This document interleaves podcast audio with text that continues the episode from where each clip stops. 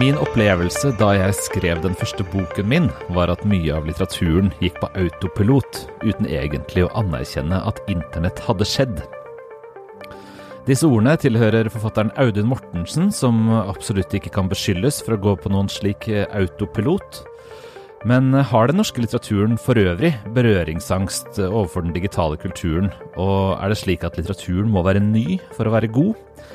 Det hadde vi tenkt vi skulle tenke høyt omkring i denne ukens episode av eh, Morgenbladets eh, bokpodkast. Og mm, siden intet menneskelig er oss fremmed, skal vi også sneie innom NRK-veteran Christian Borchs erindringsbok Bak kulissene. Den har vakt en viss debatt denne uken. Jeg heter Bernhard Ellefsen, jeg er bokansvarlig i avisa. Den andre enden av telefonlinja har kollega Olaf Haagensen, kulturjournalist. Hei, Olaf. Hei, Bernhard. Ja, eh, vi har, du har snakket med Audun Mortensen i vår serie om litteraturen i innholdets eh, tidsalder. Eh, han er jo en forfatter som er ung, men sikkert ikke så ung lenger, sånn som alle oss andre som var unge, men ikke er så unge lenger. Eh, men han har jo hatt en veldig markant eh, posisjon i den relativt unge eh, samtidslitteraturen. Kanskje vi skal begynne med å si litt om hvem Audun Mortensen er, og hva hva slags posisjon eh, jeg hinter til her? Ja, absolutt. Han utga sin første diktsamling i 2009, og den hadde tittelen 'Aller forteller meg hvor bra jeg er i tilfelle jeg blir det'. Den fikk eh, mye oppmerksomhet, eh, eller vekket en del oppsikt, da. Eh, fordi den på en måte tok internett, da, eller det digitale livet, inn i poesien. Altså den det var på en måte uh, dikt da, som uh, ikke liksom handlet om uh, naturen eller kjærligheten eller sånn, men liksom om å leve på internett. da. Um, mm. Så det, ble, det, det, fikk mye oppmerksomhet, og ble positiv oppmerksomhet. han ble liksom en, en av de første liksom web, webpoetene, tror jeg var et begrep som ble brukt om meg. Ja, um, altså det er jo det er et litt sånn konseptuelt uh, preg, uh, kanskje, over Mortensens uh, forfatterskap. Altså, vi snakker om flere utgivelser med ganske sånn tydelige ideer i, i utgangspunktet, og som, som er lekne, veldig lekne, og, og, veldig interessert i de liksom mediale og teknologiske forutsetningene for å være både forfatter og, og menneske på det tidspunktet da boka skrives. Kan du, kan du, nevne noen andre eksempler på hvordan bøkene hans forholder seg til sine umiddelbare omgivelser? Ja, altså den uh, boka som fulgte etter, da, uh, den het uh, Roman. Og den Det var rett og slett den norske teksten i, i oversettelsen av Nabokovs berømte roman 'Lolita', som han hadde da altså snudd på hodet eller satt baklengs, sånn at du begynte å lese siste setning, og så nest siste. Sant? Igjennom. Og så var det noen uh, få uh, ord eller navn som var bytta ut. Altså den hovedpersonen het ikke lenger Humbert Humbert, men Sammy Sammy. Og Lolita het roman, eller roman.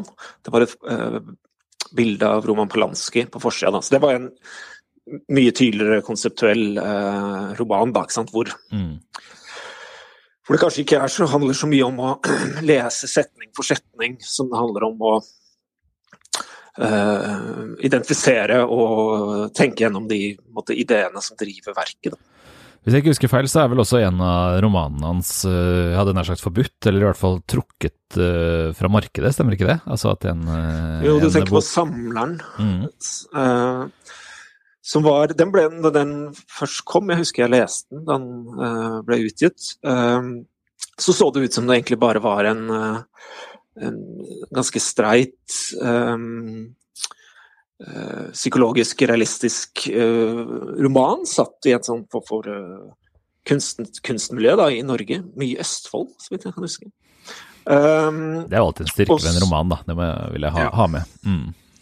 Og så viste det seg, det kom liksom fram etter hvert, da, at han hadde da tatt eh, en kunstkrim, en amerikansk kunstkrim, fått den oversatt med Google Translate, tror jeg, og på en måte omarbeida den, da. Og altså, både oversatt fra engelsk til norsk men og så drevet litt sånn kulturell oversettelse. altså Østfold. Uh, mm. Jeg tror den foregikk i Florida eller noe sånt.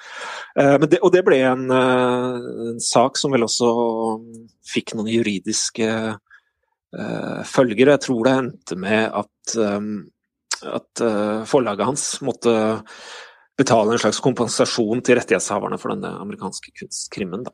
Jeg har sett, sett Morten, på Mortensens hjemmeside, tror jeg det er, så ligger det en, en skjermdump av en Finn-annonse Uh, som jeg tror han selv la ut uh, med noen uh, eksemplarer fra egen hylle av denne boka, som er et slags lite statement om rettigheter og originalitet og, og geniestetikk, egentlig. Og da, da, er vi jo litt inne på hva, hva han hva skal jeg si, tematisk og litterært vil med noen av disse mest konseptuelle utgivelsene, kanskje? Ja, altså det er en tydelig vi skal kalle det avantgardistisk impuls i hele forfatterskapet hans. da. Uh, som uh, utspiller seg på, måte på flere områder. Ett er jo dette konseptuelle. da, så En sånn type konseptuell litteratur var ganske ukjent i Norge eh, på den tida. Uh, han var liksom en av de første som brakte den inn i en slags bredere offentlighet. Det var andre initiativer rundt den tida òg. Liksom Auditur poesifestival husker jeg hadde et løfte fram eh, ulike former for sånn konseptuell skriving. Det fantes småforlag. Attåt forlag, hvis noen husker det, med Pål Bjelke Andersen i, i redaktørstolen. Eh, oversatte både ja, teoretiske tekster og skjønnlitterære tekster da, som uh, var av konseptuell art. Um, jo, men altså hele forfatterskapet, enten det da måtte uh, går på det mer hva skal vi si, medieteknologiske. da, altså en sånn, en, eh, Flere av disse, sånn som Samleren og Roman, de stiller spørsmålstegn ved hva er en eh, roman? ikke sant? Altså eh, diskutere på en måte de uh, kanskje betingelsene for hvorfor, hvordan vi leser romaner, og hva slags forventninger vi tar med til de. mens eh, f.eks. sånn som den debutdiktsamlingen uh, der snakker man kanskje mer om en sånn form for utvidelse av hva skal vi si, eh, poesiens emner. da. Litt sånn i forlengelsen av det f.eks. her i Norge Jan Erik Vold eh, drev med tidligere. Altså at man, poesien trengte ikke bare beskjeftige seg med måneskinn, da, for å si det sånn. Men den kan, kunne uh, Kunne nevne John Coltrane og, og Loffen også. Ja. Mm. Loffen, og du kan dikte om e-post og sosiale medier og det du treffer på, på internett. Jeg husker også. i Jon Erik Riley på 90-tallet, i en essaysamling var det vel, eh, påpekte at man måtte kunne si Windows 95 i en roman, eh, eller noe sånt mm. noe. Og det er jo en slags egen åre, det, i, i den samtidslitteraturen med, med, forfattere som på ulike måter vil, eh, vil liksom bygge ned de skrankene eller skillene som ofte liksom har en tendens til å stivne til da, mellom litterær tekst og og omverdenen. Og Mortensen er jo en tydelig uh, aktør i en sånn tradisjon.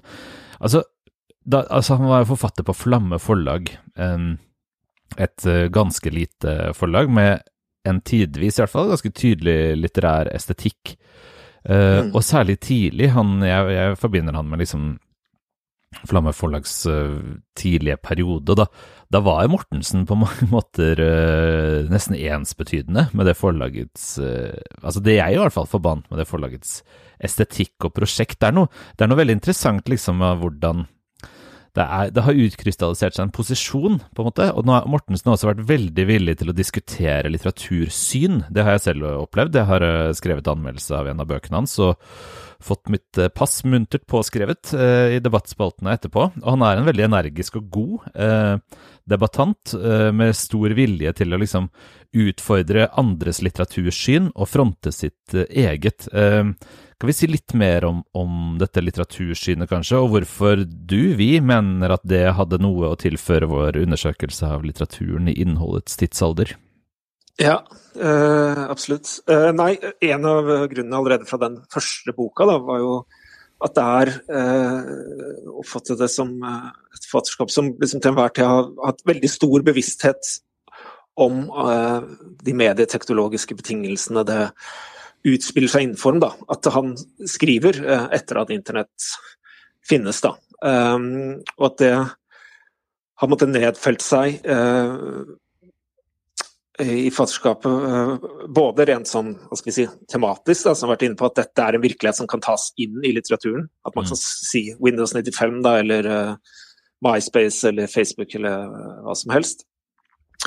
Um, og også denne her um, Altså den, den, den um, Når han tar en, uh, teksten til uh, Nabokov f.eks. og uh, bearbeider den, så er man over i en, en sånn litterær retning som man kanskje kan kalle uncreative writing, da, som på en måte har som et premiss at Uh, vi, vi, vi, mangler ikke tekst, vi mangler ikke litteratur eller fortellinger. Mm.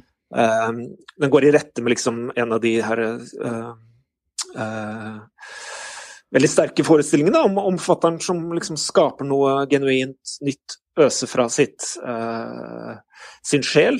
Hvor, hvor man heller da liksom, lager en forfatterposisjon som handler om å Eh, bearbeide, samle inn, kuratere og uh, sette allerede eksisterende tekst i et for, for nytt lys, da, kan vi si. Men det er hele mm. tiden noe som arbeid på vår forestiller om hva litteratur skal være. da. Det er det jeg mener med at det er en veldig uh, tydelig uh, avantgardistisk impuls i, i, uh, i fatterskapet. For det er jo liksom det som en av kjennetegnene ved avantgarden at den stiller spørsmålstegn ved mediebetingelsene. Så det var mm. derfor vi tenkte at han kanskje kunne ha noe å si om uh, i vår serie, og det hadde han definitivt også.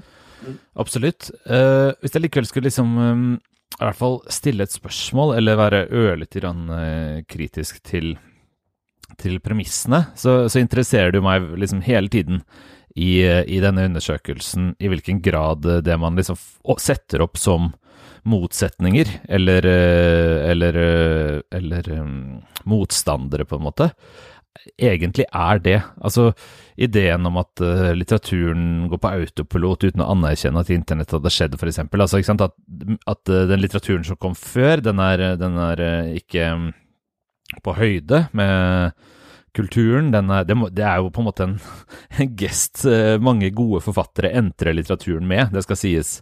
Eh, men like fullt så kommer man jo til å tenke på modernismen, som vi har nevnt tidligere i podkasten her, som, har, eh, som, markerte seg eh, tidlig, for 100 år siden, med å trekke inn eh, datidas internett, enkelt sagt. Eh, Reklamespråk, eh, andre typer lavt språk.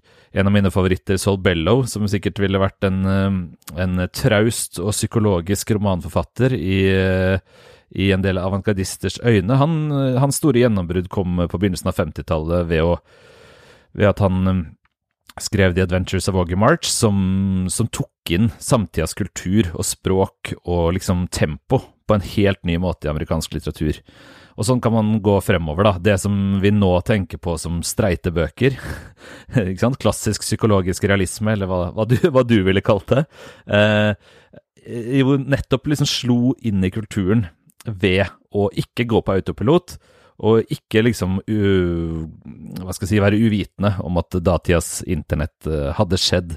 Hva, hva, tenker du om, um, om på en måte de, de underliggende påstandene da, uh, fra f.eks. Mortensen her, kontra den historie, den litteraturhistorien, egentlig?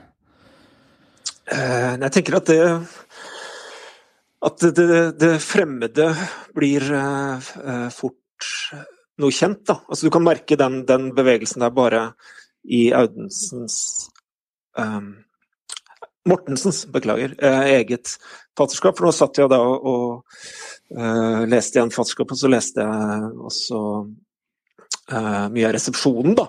Mm. Og når man da plukker opp sånn som debutsamlinga, så oppleves jo den faktisk som en relativt uh, konvensjonell uh, diktsamling i dag, da, fordi den fortsatt utgis i en bok, det er satt opp som dikt. Og Riktignok så er det uh, dikt som beskjeftiger seg med det digitale livet, men det oppleves jo ikke på en måte som så fremmed og rart som det kanskje gjorde den gang, da. Så det er vel en, så, en, sånn type, hva skal vi si, tematisk utvidelse, eller utvidelse av litteraturens verden. Den tenker jeg at den, den, uh, den blir vi fort kjent med. Den oppleves, den oppleves fort som liksom blir naturalisert. Da. Mm. Så det er vel kanskje mer disse her konseptuelle bøkene som De syns jeg det fortsatt liksom hva skal vi si, altså De spørsmålene de stiller, er jo på en måte ikke avklart. da.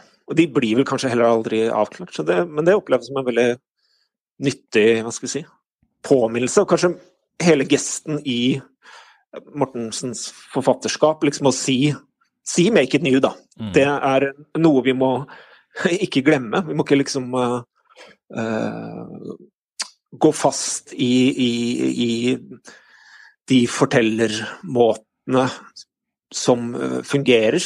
Mm. Eh, det syns jeg er en veldig jeg tror også det er, er bra, bra, impuls. Forskjell på å være leser og forfatter. Altså at eh, det er en utrolig viktig kreativ impuls, det å, å liksom slå fast at noe mangler, og så, og så, gjøre noe med det. Og så, og så er det eventuelle skolemesteraktige innvendingene om at det kanskje ikke alltid har vært en mangel bladibladibla siden 1923 osv. Um, de, de kan være interessante fra et sånt litteraturkritisk perspektiv, men, uh, men uh, man skal jo skrive også. Ja, altså, eh, En ting til jeg hadde lyst til å nevne, eller høre om, med Audun Mortensen her, og innholdets tidsalder, er litteraturens egne teknologier. Fordi det er dere innom i i intervjuet. Dere snakker jo om litteratur og teknologi og, og mange andre tilstøtende ting, men dere snakker jo også om papirboka, eh, som i, i, overraskende grad eh, ser ut til å, å mm, ha et eh, grep om webpoetens hjerte. Ja, det sier han rett ut, at det er den hva skal vi si, litteraturteknologien han uh, han interesserer seg for. Det er papirboka han vil jobbe med og utfordre, utforske, videreutvikle. Og da som et fysisk trygt medium, da, ikke som en sånn derre Ikke en papirbok pluss en app eller noen sånne greier. Mm. Det, Hvorfor, ja. tror du? Kanskje du må gjette, eller kanskje han sa noe annet. Men uh, hva, hva, skal vi tenke om det? Ja, det blir en sånn blanding da, av min gjetning og sånn jeg forsto han. Men det er jo en veldig uh, slitesterk og god teknologi, da. Er, og kanskje særlig i dag, da, for den er, den er, god på den måten at den er uh, ekskluderende. Du kan ikke gjøre mye annet mens du leser en papirbok, og det kan du med veldig mange av de andre eh, litteraturteknologiene vi bes om å tas i bruk i dag. Vi oppfordres til med det. Du skal uh, opp, ta oppvasken mens du hører på lydbok. Du skal eh, komme deg til jobb mens du hører på podkaster. Men det er veldig vanskelig å gjøre noe annet. da. Mm. Uh, og Det må jeg si at jeg syns er en Det gir veldig gjenklang hos meg, den herre Det er litt sånn utidsmessig og tverre å sitte og lese en eh, papirbok, kanskje til og med en papirbok som ikke er ny, da, som er noen år gammel. Mm. Det, det, det, nærmer seg liksom en estetisk opplevelse i seg selv, i en sånn hvor det, resten av uh, kulturen og medielandskapet er liksom så uh, insisterende på at man skal uh, være med hele tiden, da. Det er noe litt sånn der Bartelbysk i papirboka. I prefer not to. Mm. Uh, ja, det er, det er, jeg enig i. Det er jo litt sånn todelt. Uh, altså På den ene siden så er det jo liksom uh, en estetisk fascinasjon, eller eventuelt nostalgi. Og den tenker jeg gjelder veldig sterkt i, i, i tilfelle Audun Mortensens forfatterskap. For så vidt jeg kan huske, så er alle hans bøker utrolig flotte. Altså som ja, objekter, ja. og veldig, mm. veldig tilfredsstillende å, å ta på. Men på den andre siden så vil jeg si meg enig i det du antyder, og begrunne det utrolig kort, sånn det, fordi det egentlig krever en haug med begrunnelse. Men jeg syns jo ikke det å lytte til en lydbok er å lese, rett og slett. Det er en sekundær litterær erfaring. Sånn, da var det sagt. Brannfakkel eh, avfyrt og kasta over skulderen igjen. Vi får begrunne det med en hel annen podkast en annen gang. Uh, dette intervjuet kan altså leses i denne ukens avis i vår serie om litteraturen i innholdets tidsalder. Eh, veldig mange interessante tanker fra, fra Mortensen der.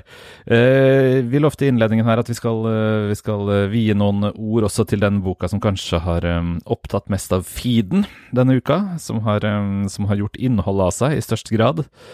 Um, det er NRK-veteranen Christian Borchs uh, erindringsbok. Den heter Bak kulissene, uh, som kom Eh, for en ukes tid siden, eh, vel, og mm, som forteller da eh, om hans liv som, som, journalist i stort sett NRK, men faktisk også Morgenbladet. Mm. Den er det du som har lest, den har ikke jeg. Jeg har bare lest overskriftene om mm. At han ikke liker dialekt i NRKs nyhetssendinger, men det noe, står det noe annet der?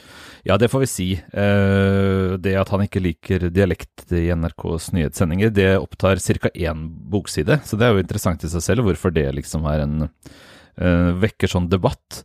Nei, altså jeg syns jo det er interessant å Jeg syns sånne journalistiske memoarbøker det er jo interessant litt av sånne yrkesmessige grunner for oss, siden vi mm. mm. jo er journalister. Og, og, det er jo noe, noe særegent interessant ved å å lese om, om, journalistisk arbeid liksom i, i uh, de største sakene. For det er klart Christian Borch har vært journalist uh, i uh, det som i hans idiom ville kalles en mannsalder, vel. Um, mm.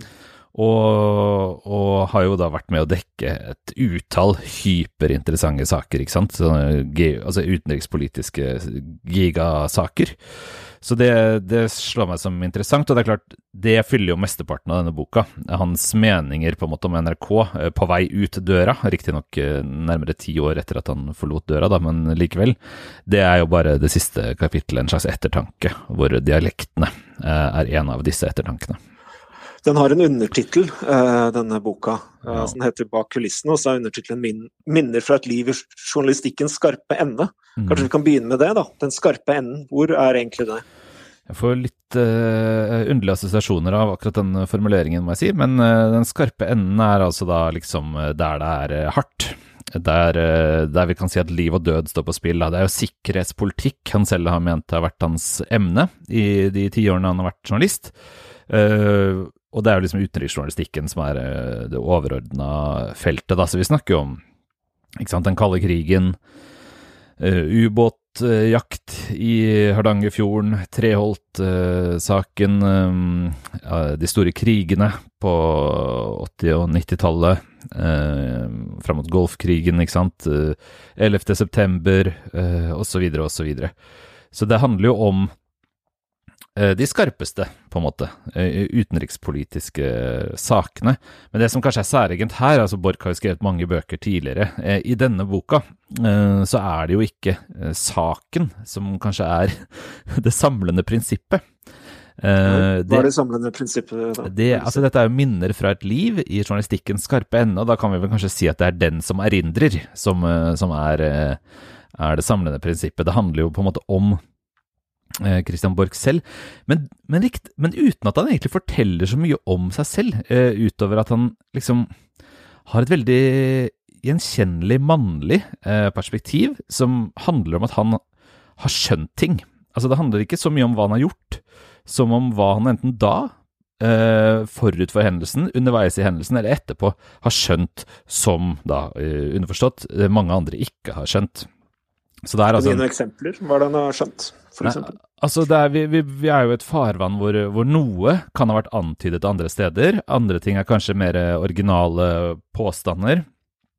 Men de er liksom mildt, mildt eller skarpt revisjonistiske av historien. Og det handler jo om at Arne Treholt uh, ikke først og fremst var spion, men at han var offer for et eh, komplett komplott eh, fra innad i toppen på Arbeiderpartiet. Det kan være at um, en ubåt som ble jaktet på i en berømt sak fra 1983 i Hardangerfjorden, eh, slett ikke var fra Sovjetunionen eller noe annet sted, men var fransk. Det kan være at um, da Colin Powell eh, sto i Sikkerhetsrådet og fortalte om masseødeleggelsesvåpen i Irak, så hadde Borch førstehåndskunnskap fra liksom våpeninspektører om at det ikke var tilfellet. Selv om Powell sto der og, og, og, hadde latt seg lure, så hadde ikke Borch latt seg lure.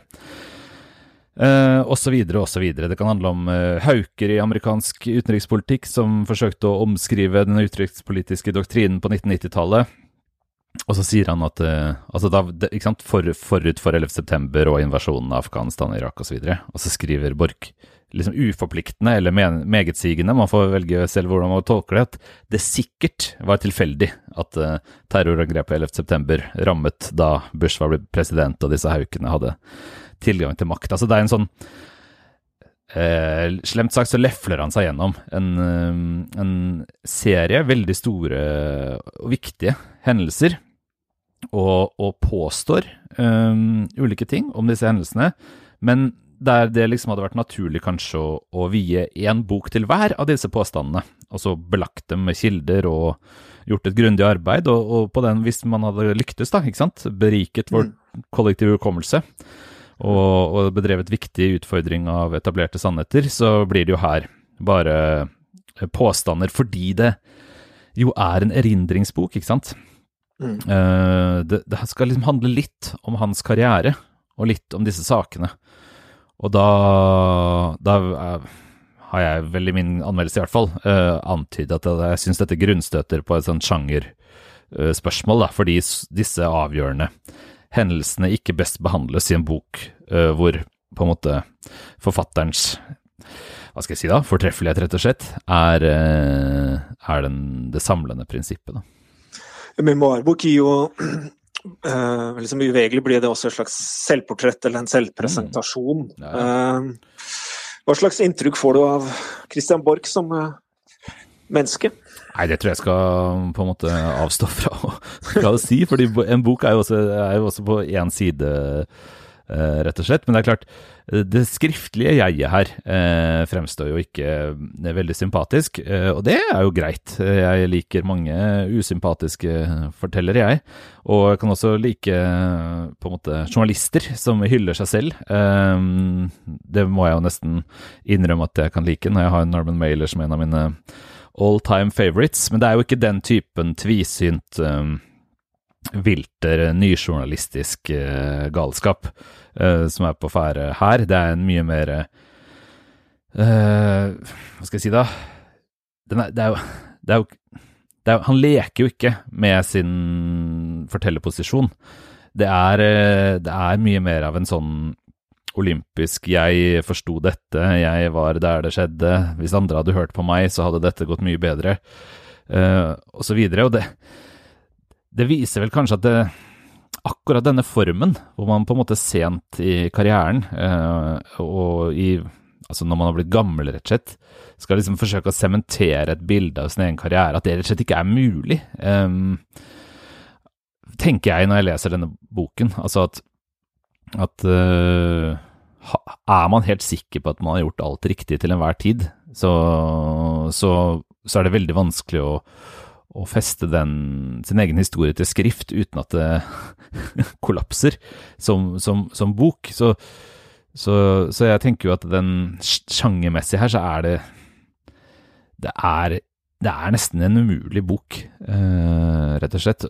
Og eh, det kan, kan, også være grunnen kanskje til at dette dialektpoenget, da, som, som for leserne av boka fremstår som så utrolig perifert, likevel har blitt det som har vært grepet fatt i, fordi det er nå i hvert fall håndgripelig og konkret. Han, han påstår én konkret ting og sier at en ung journalist som snakker i hans ører uforståelig, ikke burde få lov til å snakke sånn i Dagsrevyen, og så kan man liksom gripe fatt i det. Da. Hva skal man ellers si om alle disse andre teoriene og påstandene, så lenge de liksom ikke er fordypa noe? Mm. Men Du nevnte jo at det er jo en, eh, en journalistmemoar. Han har jo da uh, vært involvert i masse konkret journalistikk over en over årtier, da, og i den skarpe enden av det. Er det en sånn som meg, da, som jobber i journalistikkens bytte ende, er det noe jeg kan uh, lære? for, oss, for oss i journalistikkens bytte ende. Mm. Du, kan lære litt om, du kan lære litt om din egen arbeidsplass. Det kan du, mm. fordi, um, fordi Borch innledet jo sin karriere i, i Morgenbladet. Um, Eh, på slutten av 60-tallet, vel. Og, og, hva slags sted Morgenbladet var da, ikke sant? Drevet mm. av, uh, av uh, en helt sånn særegen gruppering på den høyre siden av norsk politikk, med veldig, hva skal jeg si ambisjoner for journalistikken som er veldig fremmede for Morgenbladet i dag. Det må jeg si er jo interessant, men det kan man kanskje lese bedre forklart i eh, Erik Rudengs uh, historie over Morgenbladet f.eks. Men det er noe interessant å se det fra et sånt deltakerperspektiv. Og metodisk, om det er så mye å lære for deg her, Olaf, det tror jeg faktisk kanskje ikke. Hvis jeg skal være helt ærlig. Ja.